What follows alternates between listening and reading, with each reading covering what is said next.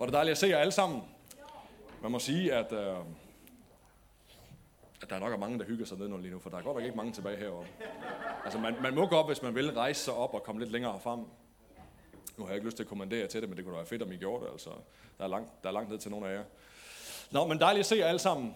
Øh, jeg skal fortsætte i dag med at tale øh, om noget, som jeg sluttede lidt på i sidste uge, men ikke synes jeg noget så meget af, som jeg godt kunne have gjort. Det er, man, vi gik jo langt over tid i sidste uge, hvor vi havde visionssøndag, eller, eller ikke vi gjorde, ikke jeg gjorde.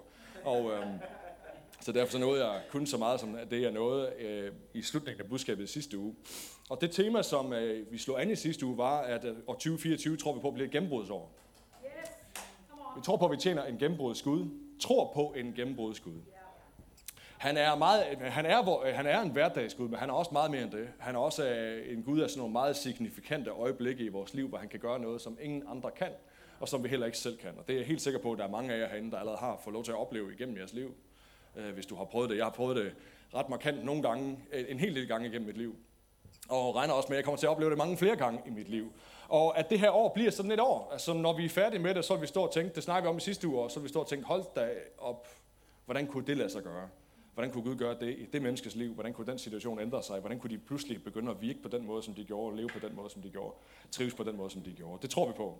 At evangeliet om Jesus, det er lige med gennembrud. Jeg, jeg, jeg, jeg håber, at det provokerede jer i sidste uge. Altså, fordi nogen kan godt have det svært, tror jeg, med at tale om gennembrud, og Gud han vil gøre alle mulige store ting. Men som jeg sagde i sidste uge, hvis du tror på Jesus, så lever gennembruddet jo på indersiden af dig allerede. Så hvor svært kan det være derfra så? Hvis du allerede sidder her i dag, og siger, jeg tror på Jesus, så skal du huske på, at det du tror på, det du sidder og siger med din egen mund med bare den lille sætning er, jeg tror på, at der var en mand, som blev slagtet fuldstændig. Han, han døde så hårdt, at du kan slet ikke begribe det. Mennesker kunne ikke holde til at se på det. Så voldsomt var det. Så blev han lagt i en grav. Der var han i tre dage. Han stank. Han rådnede. Og så rejste han sig selv op igen. Og det sidder du og siger, at du tror på. Så det er jo ikke så svært at tro på bagefter på, at Gud er en gennembrudsgud, vel? Så det vi skal gøre bagefter er jo i virkeligheden bare at lade det udvirke sig i hele vores liv. På alle områder af vores liv. Hvis han kan tage dig fra det, som Paulus kalder død til liv, jamen så kan han også hjælpe dig med din økonomi jo. Så er der nogle af dine drømme, som måske er døde, han kan få til at blomstre igen. Din familie, som er gået i stykker, som han kan få til at blive lægt igen. Og så videre. Og så videre. Okay, det var sidste uges prædiken, den skal jeg ikke tage fat i øh, alt for meget igennem her i dag. Øh, men jeg tror, at den forudsætning for, at vi sådan kollektivt kan få lov til at opleve et gennembrud sammen, fordi vi er jo kirke her på det her sted sammen. Hvis du er gæst her i dag, så er det fantastisk, at du er her. Men vi er mange, som er her ret ofte og mødes øh, ofte, og jo har gang i noget her sammen, er et fællesskab her sammen, og tror på, at Gud har noget, han vil med os. Og det er dejligt, at du er her i dag som gæst, så kan du få lov til at være med her i dag, og det kan være, at du har lyst til at komme en anden gang igen. Vi får se. Øh, men jeg kunne tænke mig at læse... Håber, det er en god oplevelse for dig at være med her i dag. Jeg har ikke tænkt mig at ødelægge den.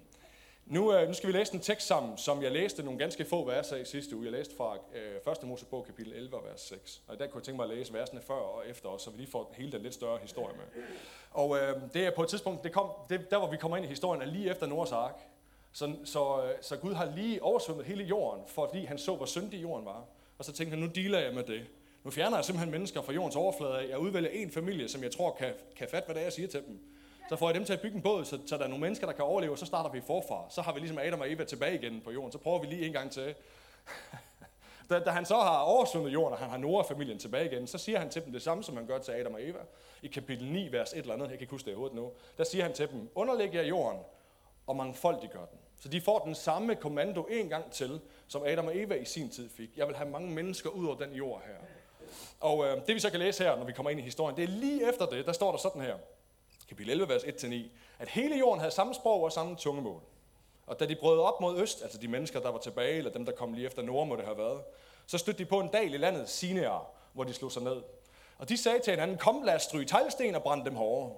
Så brugte de tegl som sten og asfalt som mørtel. Og så sagde de, lad os bygge en by med et tårn, som når op til himlen og skabe også et navn. For vi ikke skal blive spredt ud over hele jorden. For vi ikke skal blive spredt ud over hele jorden. Herren steg ned, steg ned, sted, steg ned, steg ned, der har de lige lagt sådan på bogstavsrim ind der, der skal narre en prædikant. Steg ned for at se byen og tårnet, som menneskene byggede, og så sagde Herren, se, de er et folk med samme sprog, det er verset fra i sidste uge, de er et folk med samme sprog, og når de begynder at handle sådan, så vil intet af det, de planlægger, at gøre være umuligt for dem. Lad os stige derned, og så forvirre deres sprog, så de ikke forstår hinanden. Og så spredte Herren dem derfra ud over hele jorden, så de måtte holde op med at bygge. byen. Og derfor hedder den Babel, for der forvirrede her, herrens sprog. Babel betyder forvirring øh, for hele jorden, og derfra spredte herren menneskene ud over hele jorden. Altså, han, gjorde, han trumfede sin egen vilje igennem, fordi de ikke ville gøre det. Han har sagt til dem, jeg vil have jer ud over hele jorden, og lad nu være med at gøre, ligesom I gjorde sidste gang. Ud med jer, afsted med jer, man gør det ordentligt den her gang. Og så bestemmer de sig for at gøre det stik modsatte. Nej, det er meget dejligere og tryggere at blive her sammen. Lad os bygge en stor by med et stort tårn, så vi får et navn, og vi bliver så stærke på jorden, at vi ikke kan blive spredt ud over hele den her jord. Så det, jeg gerne vil sige noget til os om her i dag, er enhed. Og inden jeg gør det, så lad os bare lige bede for, at jeg må få sagt det, jeg skal, ikke meget mere, og at uh, I også kommer til at høre det sådan, som I skal. Jesus, jeg takker dig, fordi dit ord er levende, og det er virksomt i vores liv. Tak, at sådan en helt almindelig hverdags, ja, næsten hverdags, men søndag som den her, der kan du tale til os på en måde, så det forandrer noget i vores hjerter og i vores tanker, så vores mandag og vores tirsdag og vores liv derefter bliver anderledes. Det beder dig om, at du vil gøre lige nu. Vil du tale til os, må der være små sætninger, små bidder, der taler til hver især, alt efter behov her i dag. Det takker dig for i Jesu navn. Og alt sammen sagde. Amen. Jeg ved ikke, om du kender det her. Kender du det, at der er nogle mennesker, som du virkelig, virkelig elsker, som virkelig, virkelig kan irritere dig? Øh, nu er de fleste af børneforældrene her jo ikke, men ellers så har de siddet og sagt, ja, det kender jeg! Mine børn. Nogle børn, man virkelig, nogle mennesker, man sin, jeg kommer til lige om lidt, altså nogle, nogle, nogle børn, man virkelig, øh, virkelig elsker, og virkelig, virkelig kan blive irriteret på, ikke? Det har jeg også derhjemme, og jeg har også en kone jo. Og øh, hun har, Christine og mig har været gift nu i 12 år. Og hun har, sådan en, hun har ikke en tendens til, hun er ubekymret af natur. Bekymrer sig ikke specielt meget, og er meget til stede i lige nu. Så det kan være sådan noget, jeg undrer mig specielt, da vi begynder at få børn over, hvordan hun, nogle gange synes, at hvis børn der synes, der var noget, der var fedt at få, eller på nye støvler, så, så købte hun det bare. Og jeg vil altid lige køre det igennem, sådan, jamen, behøver de det? Var det ikke fedt, at jeg fik nogen? Eller, ja, du ved, det, er det helt nødvendigt, at de skal have de støvler nu? Eller, du, hun, og hun gjorde det bare, tænkte, selvfølgelig skal de da have det. De har et behov for det, og der er et behov her. Lad os, lad os bare gøre det. Ubekymret. Bare sådan en tilgang. Der, der er der mere nok til, at det kan vi godt gøre. Og på alle mulige andre områder i livet også vil det være sådan, at hun, hun forholder sig, også den dag i dag, altså forholder sig meget mere til ting lige nu, og, og lige her i dag, end jeg vil have tendens til at gøre. Jeg lever 50% af mit liv ude i fremtiden. Og det er både vildt godt og vildt skidt. Men lever 50% måske endda mere, det kan være, det er lavt sat, altså ude i fremtiden, ikke i dag, men er i gang med alt muligt andet. Øh, så alt, hvad jeg gør i dag, kan, hvis ikke jeg passer på af natur, kan det godt blive bare til noget, der skal blive til noget andet en anden dag. Og det, det kan nogle gode ting i livet, det kan også nogle, altså det kan også være træls nogle gange, og træls for andre nogle gange, at det er sådan. Så jeg synes jo så ofte i vores ægteskab, at det har været træls, når jeg gerne vil snakke om alt muligt, der ligger længere ude, og som er øh, mega meningsfyldt og voldsomt, øh, ja du kan kalde det stort, eller hvad du vil, altså, så vil Christine gerne snakke om en eller anden sms, hun har fået eller en kat, eller sin hest, eller et eller andet børnenes sko. Og jeg har så svært ved at komme, altså jeg, for mig oplevelsen af at komme ned i det leje og skal snakke om det. Det føles bare som, det dræner livet af mig at sidde der. Ja, vi, har, altså Christine, vi snakker jo sammen, så hun ved godt, at jeg, jeg siger noget af det her. Nogle af jer, I har lyst til at skrive ud, ved du godt. Jeg ved godt, hvad det er, han sidder og siger. For styr på din mand. Men hun fokuserer meget mere på lige nu, og resultatet så er, at jeg elsker jo Christine, men nogle gange har synes, at det er vildt irriterende, at vi skal sidde og snakke om sådan nogle ting. Det er fuldstændig, tag nu bare en beslutning, og lad os komme i gang med at snakke om det, det jeg synes, der er spændende, som ligger fem år ude i fremtiden. Fordi vi ikke er ens, men er meget forskellige. Der er nogle af jer, der er gift herinde, som vil sidde og sige, jamen det, det kender jeg godt, så er meget forskellige. Men jo så har det til fælles med hinanden, og det, det kan jeg godt sidde og sige, selvom det kun er mig, der er her. Vi faktisk elsker hinanden. Vi godt lide hinanden begge to. Så irritationen er ofte kortvarig, heldigvis for os, og den bliver kortere og kortere for os, jo længere tid vi har været gift. Det er også en god ting. Fordi den så trumfes af noget større. Så det som, vi ikke, det, som vi bliver uenige med hinanden om, eller det, jeg synes, at kan være træls på dagen, eller kan være sådan lige lidt trættende på dagen ved hende, og hun jo så bare den anden vej, nu er det bare mig, der har mikrofonen, jamen, hun kunne sige lige så meget den anden vej, måske endda mere. Øh, det bliver trumfet af noget andet. Altså, at vi elsker hinanden. At vi på et tidspunkt tog en beslutning, vi stod lige her på en af de her trappetrin, og tog en beslutning om, at i medgang og modgang, så ville vi vandre sammen. Det var en beslutning, vi tog. Altså Maries mand, Johannes, videde os til det. Og det besluttede vi dengang, og den beslutning tager vi ikke op igen. Så hvad der måtte komme sådan af sekundære ting, kan du kalde det i livet, får ikke lov til at rokke ved det, som er primært og større end det i vores liv. Ikke? Og jeg tror egentlig, det er sådan, det har jeg gået tænkt over den her uge her, at, at gode menneskelige relationer, de består, det vil jeg tro, altid er overlap af en eller anden form for fælles interesse. Jeg tvivler på, at man har gode venner med nogen, hvor der ikke er noget, der er vigtigt for en, der også er vigtigt for dem så tror jeg ikke, man var gode venner. Det er måske, det er det også det, man kalder kemi, uden jeg lige er ekspert på det, men, men det er vel lidt det, det har med at gøre. Man har nogle ting til fælles. Man griner lidt af de samme ting. Altså, der, er sådan, der skal være et eller andet overlap af hobbyer, interesser og sådan naturlige lægninger som menneske. Og så finder man jo også ud af, det kender du sikkert også fra selv nogle af dine allerbedste venner i virkeligheden, at så er der ting, man er meget forskellig omkring. Størrelsen af julegaver, hvordan, øh, hvordan man holder en ferie, hvis man prøver at få sig til det sammen med sine venner og tage på ferie sammen, så finder man også ud af, at der kan man godt lige være forskellig. Skal man ligge på stolen og sole sig, eller skal man ud og lave alle mulige aktiviteter hele tiden? Det kunne bare være et eksempel. Og så der findes mange uenigheder og forskelligheder i det der, jeg vil kalde sådan sekundære lag. Sådan er det også mellem Christine og jeg. Og det, der så er sket for mig i vores liv, er, at jeg har lært at sætte pris på de ting, jeg synes er træls. Eller synes var træls. At det har lært mig noget om, at det faktisk er en rigtig god kvalitet at kunne være til stede lige her lige nu. Altså bare kunne få, få den hjerne der til at slappe af og få tempoet ned. Det er fordi det, hun evner bare naturligt at gøre, som jeg ikke altid evner at gøre. Og det har jeg lært noget. Jeg har set, hvad, hvad, altså, hvor godt det... Nogle har siddet og kigget på hende og tænkt, når hun sidder der i sofaen og slapper fuldstændig af, og tænkt, tænk at kunne det. Tænk så at kunne gøre det. Og sætte sig i en sofa, og hjernen ikke bare drøner afsted med alle mulige ting, jeg gerne vil, og skal nå, og skal have bygget, og skal have gjort, og alt muligt, som, som, jeg, som jeg tit vil være. Så har jeg lært af det, at være mere her nu. Og jeg tror dybest set, det er et billede på, bare lige hjemme for os af, hvordan det ser ud mellem os, og har set ud mellem os, at effekten af enhed i vores liv, når man er, når man er et, og lever i enhed med et andet menneske. At vi er fælles om noget, som er større end vores forskelligheder. Det er det, der får det til at lykkes. Og så lærer vi at elske hinanden, på også på trods af forskellighederne. Okay? Og vi faktisk bliver bedre af de selv samme irriterende, trættende forskelligheder. Man faktisk bliver bedre af det. Jeg er jo blevet bedre af at være gift med Christine. Trust me, det er jeg. Meget bedre af at være være gift med hende. At det er styrker for os ind i vores liv. Jeg ved ikke, hvad du tænker omkring det, det her med enhed. Jeg synes i grunden, det er et sjovt begreb, som jeg har gået og smagt på det lidt ved ugen. Jeg kan godt blive i tvivl om, hvor meget man taler om enhed uden for en kirkesamling. Eller om det ikke er sådan et, et kristen begreb lidt, at tale om enhed. Jeg tror mange herinde, hvis du er vant til at komme i kirke, så har du sådan en idé om, hvad det er. Jeg skal prøve at se, hvor meget jeg kan nå at folde det ud i dag. Hvad, hvad jeg har gjort mig af tanker. Jeg kommer på absolut ingen måde til at kunne udtømme øh, det begreb, eller hvad det betyder. Men har gjort mig nogle tanker her, som jeg tror er vigtige for os. Både sådan i forhold til vores egne personlige liv, men også her som kirkefællesskab, og så som en kirke, som også er en del af en by, hvor der er mange andre, hvor der er mange andre kirker. Jeg tror måske, man i andre sammenhæng vil sige, at man er forenet. Siger man ikke United, United Kingdom, United States of America, når du oversætter det, så bliver det til forenede stater, amerikanske stater. Jeg ved ikke, hvad man siger om England, forenede rige eller et eller andet. Forenet hvad?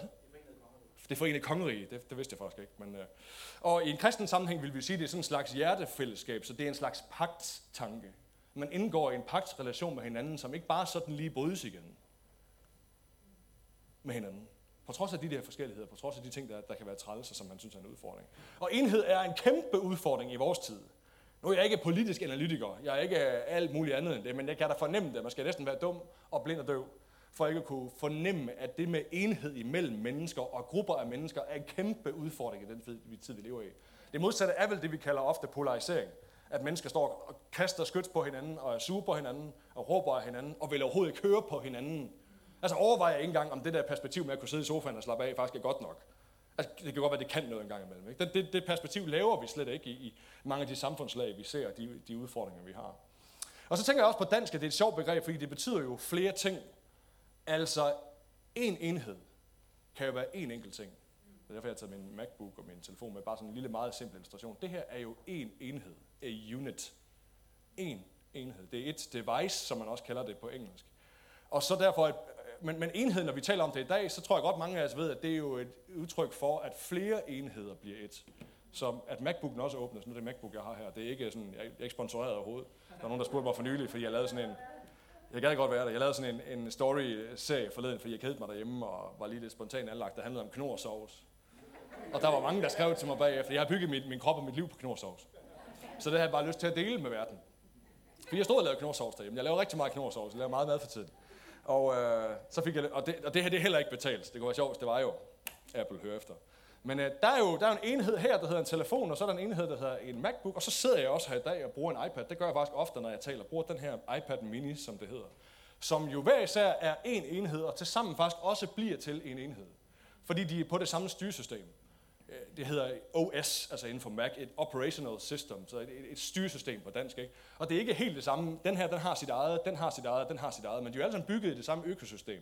Så jeg kan gå lige direkte fra den her telefon over og åbne noget på den her bagefter, hvis jeg gerne vil have skærmen skal være større, hvis jeg skal bruge den til noget andet. Og så kan jeg gå over og sidde og arbejde, hvis jeg gerne vil sidde længere tid. Så, det næste, altså, så åbner jeg altid min MacBook, for den er, den er mere effektiv, og jeg kan sidde ved den i længere tid og få lavet mere. Men hvis jeg skal skrive på Messenger, har jeg fundet ud af, hvis jeg lige pludselig får en Messenger-besked, har jeg faktisk fundet ud af, at jeg ofte tager mig selv i at tage telefonen herfra, når jeg sidder og skriver på den.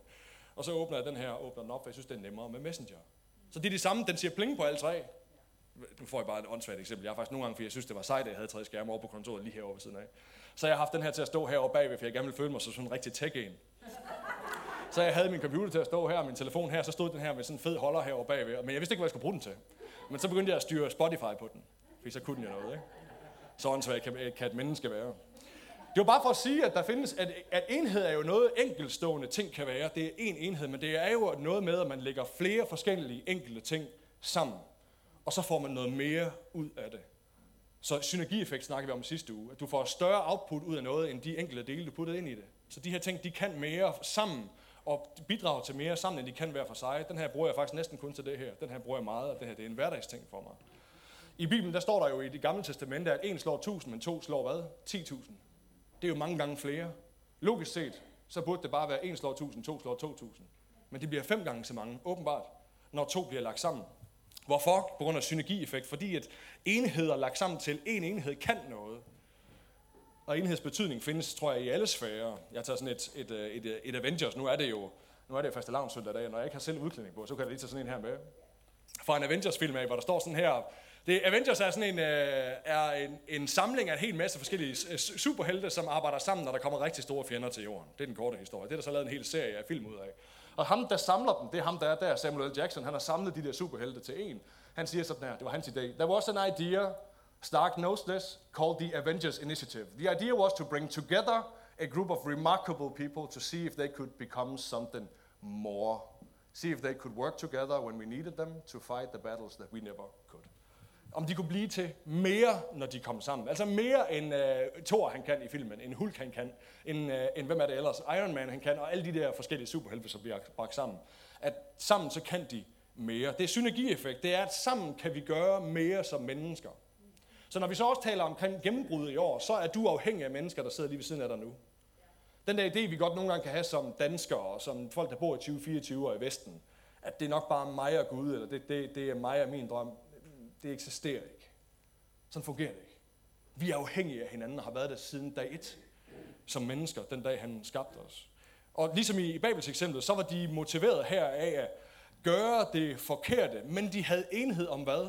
Omkring vision, om deres strategi. Lad os bygge en by med et tårn, så vi kan nå op til himlen og få et navn, som er stort, så vi ikke skal spredes. Så de har helt sikkert kunne mærke det i deres hjerter. Hvem end der fik den idé og har præsenteret de der ord, så er der nogen, der har siddet og tænkt, det kan jeg godt mærke det der. Det lyder klogt. Lad os undgå, at vi skal spredes, fordi vi har det godt her nu, og det har vi styr på. Så lad os, lad os blive her sammen. Jeg køber ind på det der. Og så læste vi jo inden det også, at der var en strategi også. Lad os lave sådan nogle tegl og nogle mursten, som var helt nyt på den tid. Vi, vi ved jo godt, hvad det er. Vi bygger vores hus af det. Men for dem var det en helt ny tanke at lave tegl og mursten ud af jorden og brænde dem, så de blev rigtig hårde. På det tidspunkt ville man bare have lagt dem ud i solen, og så ville de størkne, og så havde de en vis kraft. Men her der brændte man dem i ovne og fik meget, meget mere øh, hvad hedder det, kraft ud af dem. De blev stærkere, ud, hold, udholdenhed, øh, holdbarhed ud af det, fordi man gjorde sådan. Så der var en helt ny strategi, og der var også en vision for det, som de kunne mærke af deres hjerter, som de købte ind på. Men de var motiveret af det forkerte. Men trods den forkerte motivation, så konstaterer han, at de kunne gøre det umulige. At fordi de er et folk og har et sprog, og når de så begynder at handle som sådan, så er der intet, der er umuligt for dem. Så selv med forkert motivation vil gøre det stik modsat af, hvad Gud han har sagt til os. Så sad han og kiggede på dem og giver os sådan en nøgle, tror jeg, som gælder for os af i dag også. At hvis vi kan være et folk med et sprog, så hvis jeg spørger dig, eller du spørger mig, hvad er det vigtigste for os? Hvad er det, vores hjerte det brænder og banker for? Og der kommer det samme ud. Så kan vi gøre det umuligt sammen. Så der er intet af det, de planlægger at gøre, som er umuligt for, som er umuligt for dem, på grund af stærk enhed. Og det er et centralt bibelsk begreb, det her med enhed. Adam er den første, hvor vi ser det. Jesus, eller Gud, han kigger på ham og siger, det er ikke godt, at mennesket er alene. Han skaber et menneske, som han ser er godt, og som han selv har lavet, og Gud er perfekt. Jeg ved ikke, om du nogensinde tænker over det, men Gud er perfekt. Han gør aldrig en fejl. Det er Bibelens budskab omkring ham. Men han skaber dog et menneske, som mangler noget. Det er ikke godt, at Adam er alene. Så bliver Eva skabt, og i 1. Mosebog kapitel 2, vers 24, lige bagefter, der siger Gud sådan her, da han har skabt Eva, at derfor forlader en mand sin far og sin mor og binder sig til sin hustru, og de bliver til et kød. De bliver til et kød. Betyder det, at der ikke er to mennesker mere? Nej, der er stadigvæk to mennesker, Dina og Sjano. Jeg kan jo se, at I sidder her stadigvæk. Selvom I blev gift den 9. december, var det ikke sådan? Den 9. december. Man blev et kød derfra. Fordi man forlader det, man kom Man forlader derfra, hvor man kom, og binder sig nu til en anden, og så bliver man et. Man bliver en enhed. To forskellige enheder bliver til én enhed. Og Gud han så jo så med det samme, at én enhed ikke var nok. Altså at mennesket er alene, så godt som det er, og med alle de evner, det er blevet givet, og med den kapacitet, Gud han har givet, så et menneske ikke nok. Men at der skulle to forskellige enheder til, som så kunne leve i én, i én enhed. Og enhed findes også i Guds eget væsen. Nu prøver jeg bare lige at give et lille, bare sådan en lille blik på enhed i den bibelske fortælling. Gud kaldes treenigheden. Faderen, sønnen, sønnen og helligånden. Faderen, sønnen og helligånden. Alle tre er Gud, men forskellige personer i guddommen. Ja, det kan jeg jo ikke forstå. Det kan du helt sikkert heller ikke. Hvis du kan, så er du løgner. Men, men, men, men, det kan, men Gud formår at være tre i en på en gang, uden at være personlighedsspaltet, som vi vil være det, hvis vi gik og sagde sådan omkring os selv. Og i Johannes kapitel 17, der siger Jesus, at han, der beder Jesus om enhed for sine disciple. Han beder om, inden han skal dø, beder han om, at de må være et, sådan som faderen og jeg er et. Sådan som faderen og jeg er et. Jeg har gået og tænkt på i den her uge. Jeg ved, om det for det første var fordi, at Gud jo havde skabt Adam i sit billede, at han ikke brød sig om at være alene. Fordi Gud ikke er alene. Jeg ved det ikke. Men han er jo tre. Så måske var det, fordi jeg netop tog ham, på en eller anden måde tog ham ud af mig og skabte ham ligesom mig, så er der også noget i ham, som trænger til andre. Ligesom jeg selv har Helligånden og Sønnen ved min side. Jeg så skal. Det ved jeg ikke. Den er ikke her, du kan ikke finde den. Så den vej, min ven. Så måske det er derfor.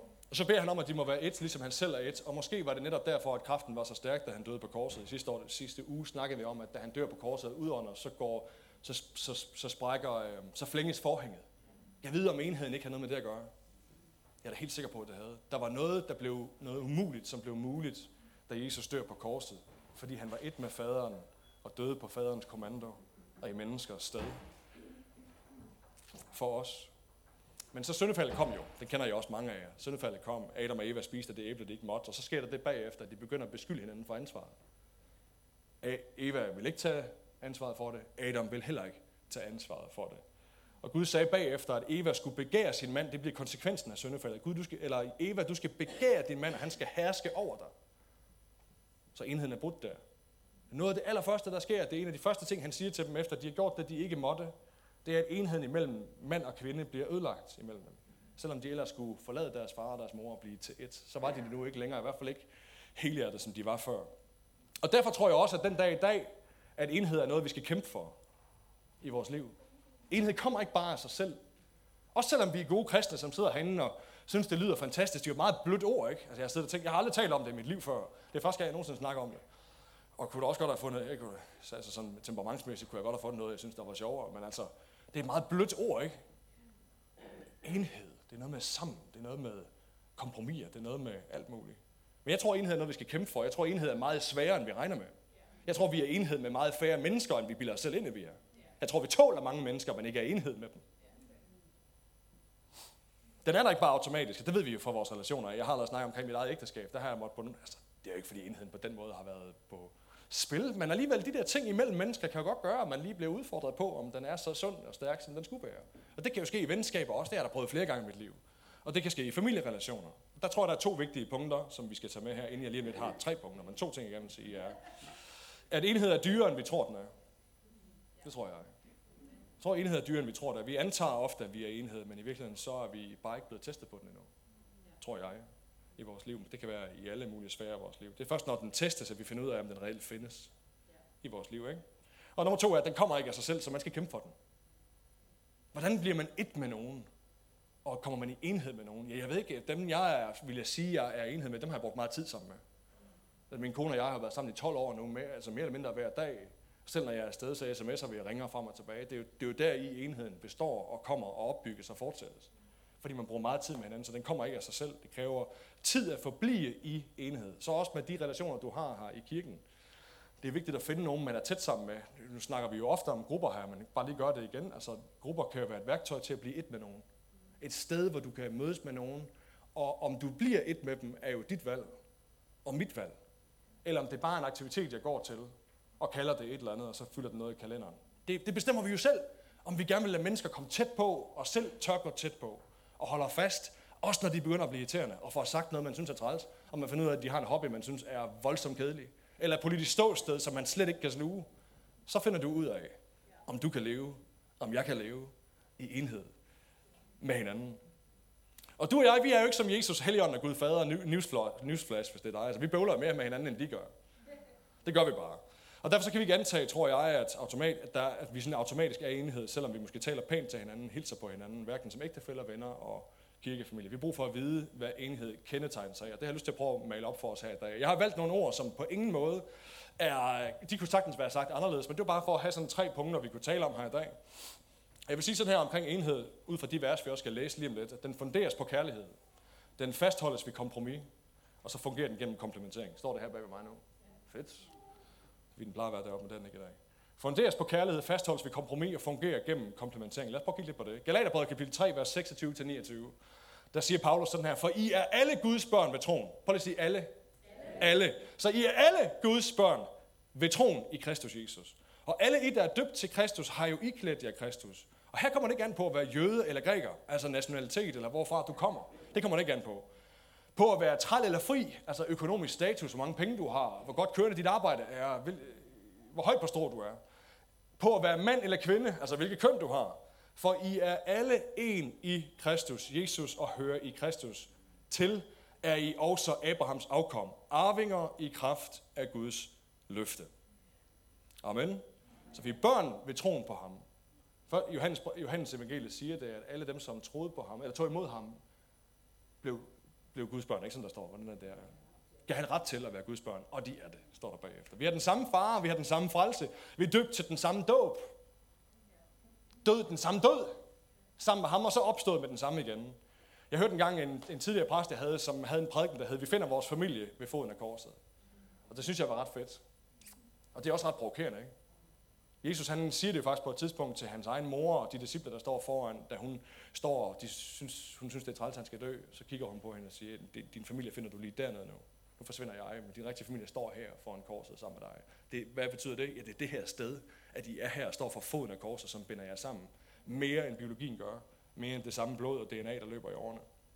Fordi foran korset, der er vi alle sammen lige, uanset baggrund, status og herkomst. Uanset hvor vi kommer fra. Det er det, der er så vanvittigt ved evangeliet også, det det kan samle alle mennesker. På tværs af politisk ståsted, på tværs af økonomi, på tværs af, hvor stor bilen er. Præferencer for det ene eller det andet. Farve på væggen, ingen farve på væggen. Alt det der. Korset samler os på tværs af alle de sekundære ting. Så ligesom i vores familie, eller i mit ægteskab med Christine, hvor vi har valgt at være sammen med hinanden, og kan mærke det de fleste dage, og nogle dage skal kæmpe lidt mere for at kunne mærke det. Sådan har I det jo også. Så er det det, der trumfer, den der primære beslutning, er det, der trumfer alle de sekundære ting, vi kunne være uenige om. Det er det samme her, det er korset. Jeg sidder og tænker på det, prøv at tænke over. Hvad, hvad er det i virkeligheden, vi alle sammen er som mennesker, der tror på ham? Vi er jo i virkeligheden bare nogen, der har bevæget os videre fra det der sted, hvor vi kom kravlende hen til foden af et kors og havde brug for hjælp. Det er det, vi alle sammen er. Kom kravlende igennem sandet, eller hvad der nu har været. Frem til at lige pludselig kunne mærke, at der står et kors der, kigger op, og så hænger han død for os deroppe. Så kigger han ned på os og siger, du er tilgivet nu hører du mig til, nu bliver det til mit barn. Der er vi jo alle sammen bare. Så har vi bevæget os videre derfra og kommet op og stå igen. Men vi skal altid huske, og blive ved med at huske på, at det er det, der binder os sammen over alt andet. Det er Jesus. Og det er så vanvittigt simpelt et budskab, men det er jo ekstremt vigtigt et budskab. For det er det, der gør, at du kan sidde ved siden af nogen, eller komme her, eller være i fællesskab med andre mennesker, have været en god nabo, have relationer til mennesker, og ikke, og ikke kun på baggrund af, om I har de samme overlap af interesser, eller kemien er god, men at der er noget, der er større end kemien, og det er Kristi kors, det er kærligheden. At det funderes på kærlighed, gør enheden. Opstandelsen er udtryk for hans kraft, korset er udtryk for hans kærlighed, hans passion og hans nidkærhed for os. Og foran ham, der står vi alle sammen som sønder, og så vi heldigvis får lov til at bevæge os videre derfra, og er det ikke mere. Men har i den grad brug for at huske, at det var det, vi var. Og uden ham, så var det stadigvæk det, vi var. Jeg tror, det er der enheden findes. Jeg tror, det er der nåden til hinanden findes. Det er der evnen til at acceptere mennesker, som er meget anderledes end en selv findes. Det findes lige der. Så det er hans kærlighed, der er grundlaget for vores enhed. Og nummer to er, at det fastholdes ved kompromis. Altså enhed, som jeg sagde før, er dyrt og krævende. Grundlaget er kærligheden fra Kristus af, men vi skal kæmpe for at fastholde den.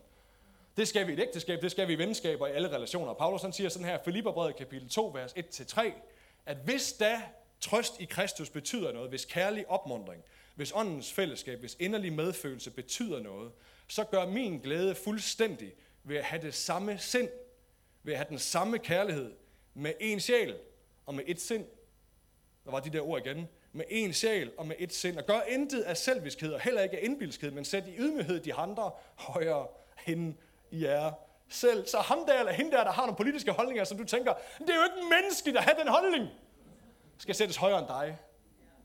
Vedkommende, som du bare synes er for stinkende rig, og du synes, det er unfair, skal sættes højere end dig. I dit hoved. Og det gælder så den anden vej rundt også. Fordi grundlaget er kærlighed. At vi fandt hinanden der ved korset, og enhed imellem os, og kærlighed nåden, som flyder imellem os. Det kan den kun gøre, når vi er villige til at gå på kompromis med os selv. Bibelen taler om at dø fra sig selv. Ved du, hvad det betyder at dø? Det er det. Slut med dig. Slut med mig. Det er så vildt et budskab ind i vores tid. Men det er det, det kræver af os. Paulus han siger jo her, han opfordrer dem til en livsbil, der afspejler enhed. Ha' det samme sind, ha' den samme kærlighed, ha' en sjæl og et sind. Gør intet af selvviskhed eller indbilskhed, og sæt de andre højere end jer selv. Det er derfor, enhed bliver svært for os. Menneskelige relationer det hele taget bliver svært for os, fordi det kræver noget af mig i forhold til andre mennesker. Det kræver noget af mig i forhold til andre mennesker, det er mennesker, som ikke er ens med mig. Vi er måske ens i forhold til vores behov for Jesus, men så stopper den også nogle gange lige derefter. Kan det i hvert fald godt nogle gange være. Derudover så er vi meget forskellige. Enhed findes jo kun der, hvor der er forskellighed, har jeg gået og tænkt lidt på. Enhed findes kun, når der er forskellighed. For det, hvis ikke de her var forskellige, så var der ingen grund til at tale om et økosystem. Der var ingen grund til at tale om, at de bliver samlet af noget. Hvorfor skulle de være det, hvis de var ens? To telefoner. Og det er måske et dårligt billede, for de har selvfølgelig det samme økosystem. Men du behøver ikke to af dem, du behøver kun en. Det er jo kun, når der er forskellighed, at vi har brug for enhed. Så hele grunden til, at Gud, Gud her også opfordrer til, at, man, at vi samles og får et sind og en tanke, det er, fordi vi har det ikke per default. Fordi vi er forskellige. Så hvad, en, enhed betyder ikke, at forskelligheder forsvinder. De skal jo blive ved med at være der, ellers så er det jo ikke enhed længere. Så er det bare enhed. Så bliver vi bare de samme. Enhed er, vil jeg sige, respekt og forståelse for forskellighed og mangfoldighed. Men også, at forskellighederne tøjles. At din forskellighed tøjles, at du er villig til at gå på kompromis med den, for at være en del af en helhed. For at være en del af en enhed. Jeg tror godt, det kan vende anderledes i Danmark. Vi vil gerne snakke om enhed, for så kan jeg få lov til at være, som jeg vil. Det går begge veje. Man bøjer sig ind i et fællesskab, ind i et kirkefællesskab som det her, i det her tilfælde. Ind i en relation. Og lade noget af sig selv ligge, for at være en del af en større enhed, end det man er i forvejen. At egoet hos den enkelte tøjle, så bøjer sig for det. Så enhed det fastholdes ved kompromis. Enhed det eksisterer kun, når vi er villige til at dø for os selv. Motiveret den selv samme kærlighed, som samlede os i første omgang. Den vi fandt ved korset. At der var en anden, der døde for os først jeg tror nogle gange, i sådan, nu har jeg lagt mærke til det også i kirkesamlingen, der synes jeg jo, at øh, der siger vi jo ofte, jeg har hørt mange sige, at enshed ikke er, eller enhed ikke er lige med enshed. Og det kan godt nogle gange betyde, at jeg gerne har lov til at gøre, sådan det passer mig. Så jeg vil gerne have lov til at blive, jeg vil gerne have lov til at bare gøre det, jeg synes er det rigtige. Men det kaldes ikke enhed. Det kaldes individualisme.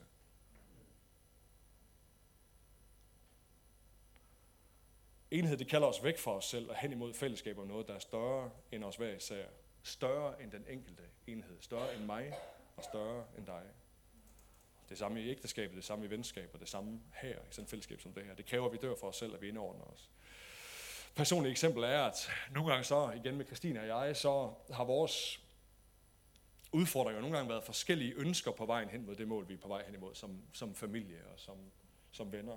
Ofte så kan, vi, så kan vi godt i vores liv opleve, at vi bliver, lidt ligesom jeg sagde før, uvenner sådan på overfladen, eller irriterer hinanden i det, som er sekundært i vores liv og har brug for at sætte os ned sammen igen og minde os selv om, hvorfor var det nu, at vi var her? Hvor, hvor er det, vi er på vej hen, og hvad er det, vi er i gang med at skabe og gøre sammen? Sådan at vi bliver et og altid holder sammen. Og kærligheden får os til at gå på kompromis og kalder os til enhed om den fremtid, som vi har, frem, som vi har sammen. Og jeg tror, at den stærke enhed er, at når forskellige mennesker arbejder på den samme fremtid sammen. Det er jo det, der sker i Babels historien, som vi læste til at starte med. De har jo set det samme billede. Og, og når de så planlægger noget sammen, så er der intet, der bliver muligt for dem. Men det må være svært. Jeg ved ikke, hvor mange tusinder mennesker de har været. Jeg ved dem ikke, hvis de havde været danskere, der havde været lidt forskellige holdninger til lidt af hvert. I de der tusinder mennesker, der var der. Nogen, der sad og tænkte, jeg har en bedre idé, end du har, leder. Eller hvad det måtte være. Dig, der havde idéen deroppe, kunne vi ikke lige tweak den? Kunne vi lægge nedsætte nogle udvalg? Kunne vi slå, slå processen ned med 10 år? Kunne vi gøre et eller andet? Der må, have været, der må have været mange mennesker, som på en eller anden måde har skulle bøje sig, eller indgå også kompromis med sig selv, og det har de måtte gøre i fællesskab for sammen at se det samme billede. Og så er det, at han giver dem nøglen og siger, fordi I er et i sprog og i sind, og har set det samme, så kan alt lade sig gøre for jer. Her til sidst skal vi bede om, at vi må få lov til at opleve det, for jeg tror ikke, man kan gøre det selv. Jeg tror, man kan bede om en enhedsånd ind i vores hjerter sammen med hinanden, som vi vil kunne mærke og kan mærke, når den er der, men også savner, når den ikke er i vores liv. Så det kompromis, det er død for egen at det ønsker, det er synspunkter. Eller at man dør for ønsker og synspunkter. Nummer tre, nu skal jeg snart til at være færdig. At den fungerer gennem komplementering. Altså Guds tanke er, at vi gennem vores enhed opnår kraft sammen til at gøre det, som er muligt for den enkelte. Det her, vi igen taler om synergi, at når vi puljer vores evner, vores gaver og talenter, så er der til syneladende noget, vi kan, som vi aldrig selv ville kunne, og som også overgår effekten af det, som vi hver især kan.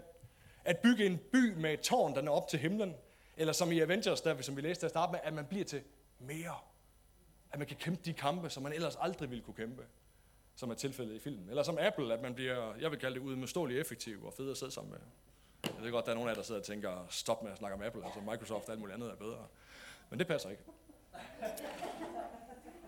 At vi bliver i stand til at gøre det, som dybest set også er umuligt, at være kristi læme og hans fylde på jorden, som Paulus siger, vi skal være. At vi bliver hans udtrykte billede for ham, som han ikke længere er her mere.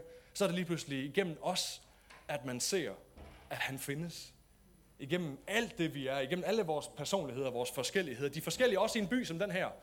Respekten for, at der findes forskellige kirker i den her by, som ikke skal være ens. Men som hver især udtrykker en del af Kristi fylde til mennesker. Og som hver især er blevet givet evne til at nå nogen i den her by her. Paulus siger det sådan her. 1. Korintherbrev kapitel 12, vers 4-13. Der er forskel på nådegaver, men ånden er den samme.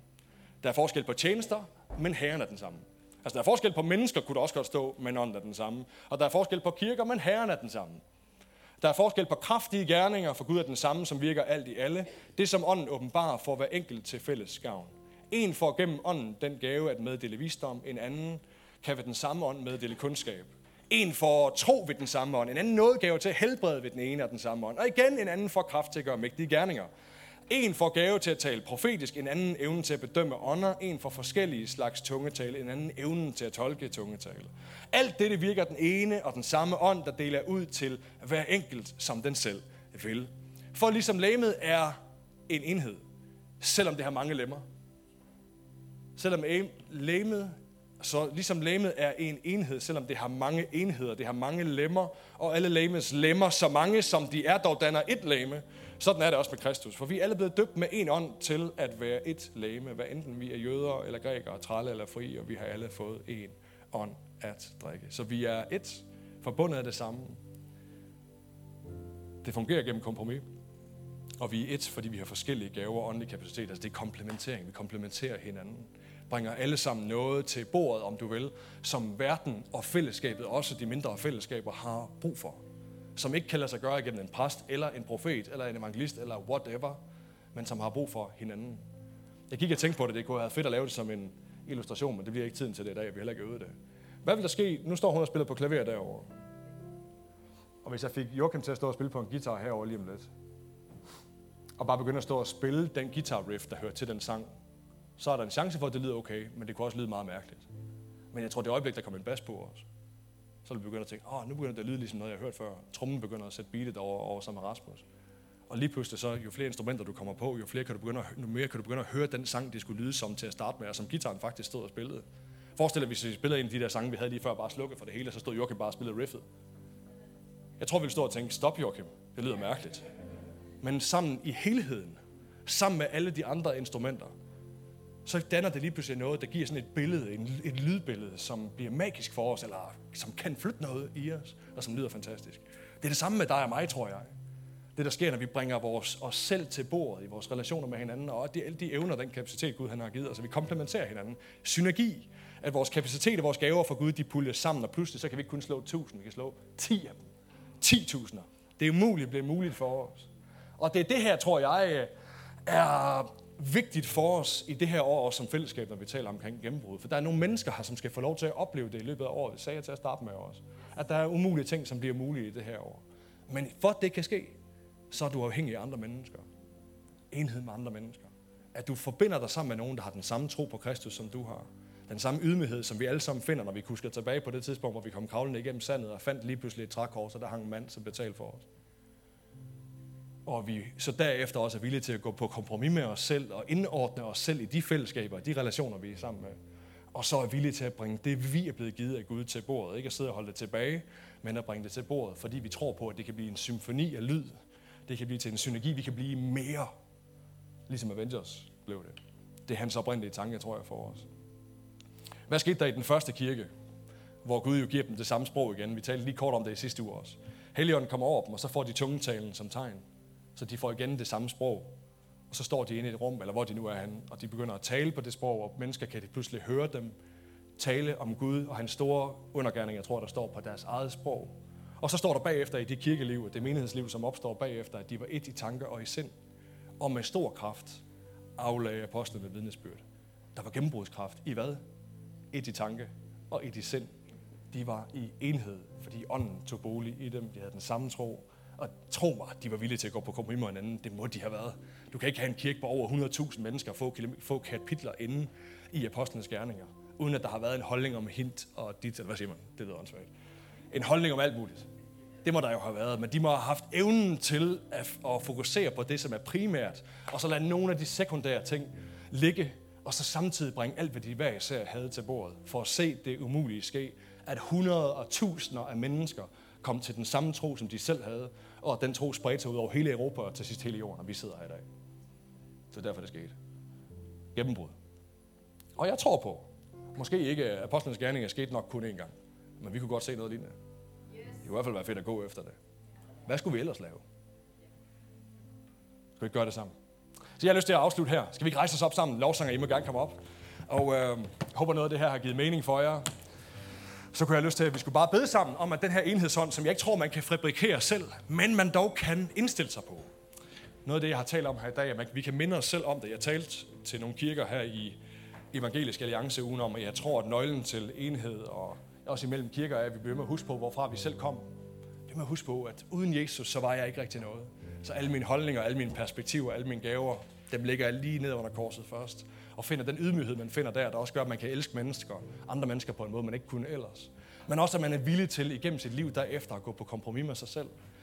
Og så, at man bringer det til bordet. Jesus, vi takker dig for her i dag, at du er på det her sted. Jesus, jeg beder dig om den her enhedsånd, som øh, jeg ikke tror, vi selv kan fabrikere, men som jeg tror, du ønsker at lægge ned i vores hjerter. Jeg beder dig om, Jesus, at der, hvor der kan være familier, som er brudte, jeg beder dig om, at du vil komme med enhedens ånd her. Tak, Jesus, for lægedom, for lidelse ned i relationer, i, i familier, i husstande her. Også her i fællesskabet her. Jeg beder dig, Jesus, om 2024. Må det være et år med venskaber. Må det være sådan et år, hvor der er mennesker, som finder hinanden og finder ud af, at der er nogle ting, hvor vores interesser, vores, vores kemi, vores menneske overlapper hinanden, og hvor gudgivende relationer kan opstå, som får betydning både for den vækst, du gerne vil gøre i os, men også igennem os har, som enkelte personer har. Jeg beder dig, Jesus, for enhed i vores grupper, enhed i alle vores fællesskaber, Jesus. Jeg beder dig om enhed imellem os. Jeg takker dig for, far, at der også må være noget rig tid foran os, hvor de ting, der skal gøres op imellem os, hvor de måtte være. At vi må få styrke, kraft og mod til at gøre det. Det takker jeg dig for, far, i Jesu Kristi navn. Og så beder jeg dig for vores by. Jeg beder dig for vores, vores, øh, vores region, Nordjylland. Jeg beder dig for hele vores land. Jeg beder dig for kirken i det her land, Jesus. Må vi få lov til at opleve radikal enhed opstår i fællesskaberne rundt i hele landet, sådan at det umulige bliver muligt, ikke bare lige her, men alle steder. Så mennesker i hele landet og i resten af Europa og uden for landet kan få lov til at høre de gode nyheder omkring dig, fordi vi valgte at finde hinanden der ved korset, at gå på kompromis med os selv og komplementere hinanden, sådan som du havde tænkt, vi skulle, far. Det takker dig for i Jesu Kristi navn. Og alle sammen sagde, Amen. Vi skal synge sammen.